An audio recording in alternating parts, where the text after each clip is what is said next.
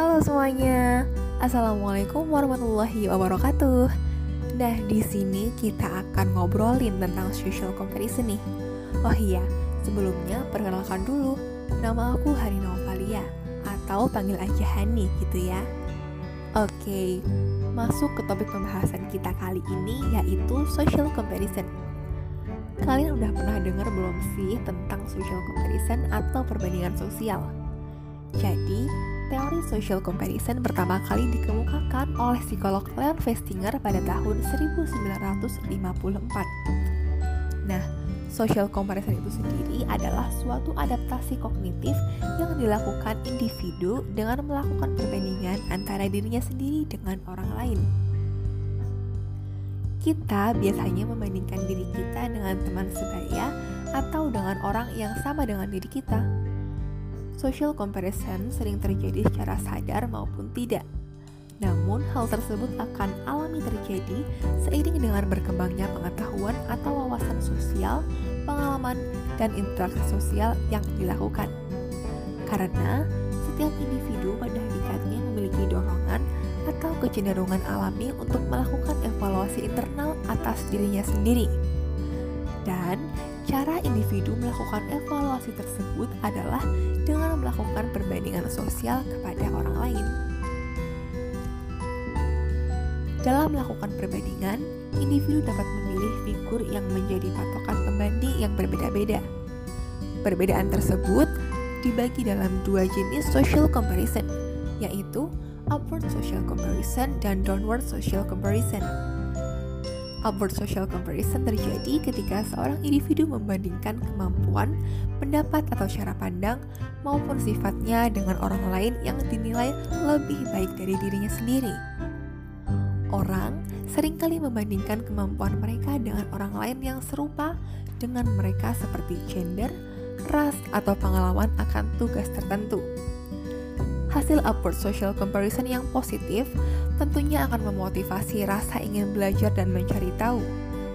Namun, hasil dari upward social comparison juga dapat menjadi negatif loh apabila upward social comparison dilakukan secara berlebihan, di mana perbandingan yang dilakukan oleh diri sendiri tersebut justru membuat kita memandang diri sendiri secara inferior atau merasa rendah diri. Hal tersebut dapat memunculkan emosi-emosi negatif, yang dapat memicu depresi karena tekanan yang tercipta dari perbandingan tersebut, merasa kurang baik atau kurang bagus, merasa gagal, dan sejenisnya. Selanjutnya, ada downward social comparison yang terjadi ketika individu membandingkan kemampuan, pendapat atau cara pandang maupun sifatnya dengan orang lain yang dinilai tidak lebih baik dari dirinya. Apabila ditanggapi dengan pola pikir positif, downward social comparison ini dapat membuat individu memunculkan emosi-emosi positif yang bisa meningkatkan self-esteem atau rasa percaya diri. Namun, apabila ditanggapi dengan buruk dan berlebihan, perbandingan ini dapat menyebabkan ego menjadi terlalu tinggi dan rasa berbangga diri yang melewati batas. Selain itu, downward social comparison juga dapat memunculkan rasa empatik pada keadaan orang lain yang lebih rendah daripada kita.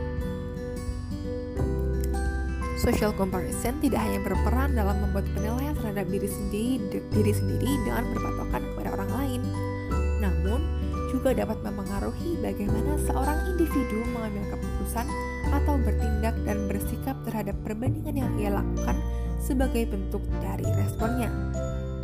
Upward social comparison maupun downward social comparison dapat dapat memengaruhi rasa percaya diri, motivasi dalam diri, dan sikap seorang individu baik ke arah positif maupun negatif. Maka, proses perbandingan yang dilakukan harus diperhatikan dan dikontrol dengan baik agar bisa mendapatkan hasil yang positif. Nah, teman-teman di sini pasti banyak kan yang sering membandingkan dirinya sendiri dengan orang lain. Tapi, apakah teman-teman tahu gimana sih cara menyikapi hal tersebut agar tidak menimbulkan dampak negatif bagi diri kita? Nah, ada beberapa hal nih yang bisa teman-teman coba untuk mengurangi social comparison. Yang pertama, kita harus mengenal diri sendiri. kita harus mengetahui kelebihan dan kelemahan diri kita dan tahu potensi apa yang kita miliki agar bisa lebih bersyukur dan tidak terus-terusan membandingkan diri kita dengan orang lain. Yang kedua, ceritalah ke orang-orang yang percaya atau buatlah support circle yang bisa membantu kita meraih goals dalam hidup kita dan memberi masukan positif sehingga kita terbebas dari social comparison. Yang ketiga, kenali emosi dan perasaan kita agar kita bisa mengendalikan emosi-emosi negatif dalam diri kita. Kemudian, berhenti menganggap bahwa media sosial adalah kehidupan nyata seseorang tidak dipungkiri lagi bahwa zaman sekarang yang serba modern ini mengharuskan kita paham dalam menggunakan sosial media untuk berbagai aktivitas.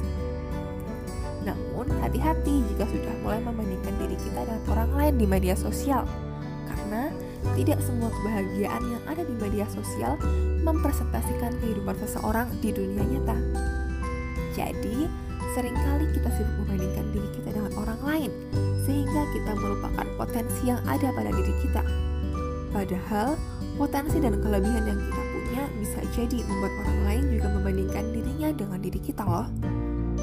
Kita hanya perlu fokus untuk mengembangkan kelebihan kita dan bersyukur atas apa yang kita miliki.